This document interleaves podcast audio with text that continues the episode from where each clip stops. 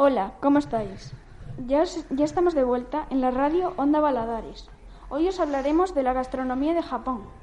En este momento os dejo con mi compañero Enzo. Yo soy Lucas Díaz y espero que sigáis oyendo este fantástico programa. Hasta ahora. Hola, yo soy Enzo y os voy a contar unos hábitos de la mesa en Japón. Los japoneses, antes de comer, agradecen la comida a la persona que bendice la mesa. O sea, también esperan a que todos estén en la mesa para empezar a comer a la vez. Y ahora os voy a, ahora os voy a pasar con mi compañera Lidia, que os va a contar las costumbres de Japón y espero que os esté gustando este podcast. Gracias, Enzo. Vamos a empezar. Para los japoneses es importante comer bien y en familia. Es importante sentarse correctamente y sobre todo no jugar con los palillos, ya que ya que en Japón está mal visto.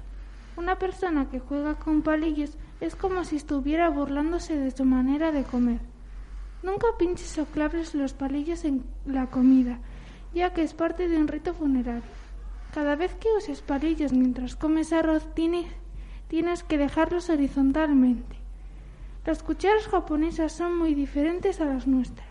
Os vamos a enseñar a cogerlas correctamente. Tienes que primero introducir tu dedo índice en el surco del mango y después ayudarte con el dedo pulgar y los demás para agarrar la cuchara. Hasta pronto y espero que volváis a escuchar el programa.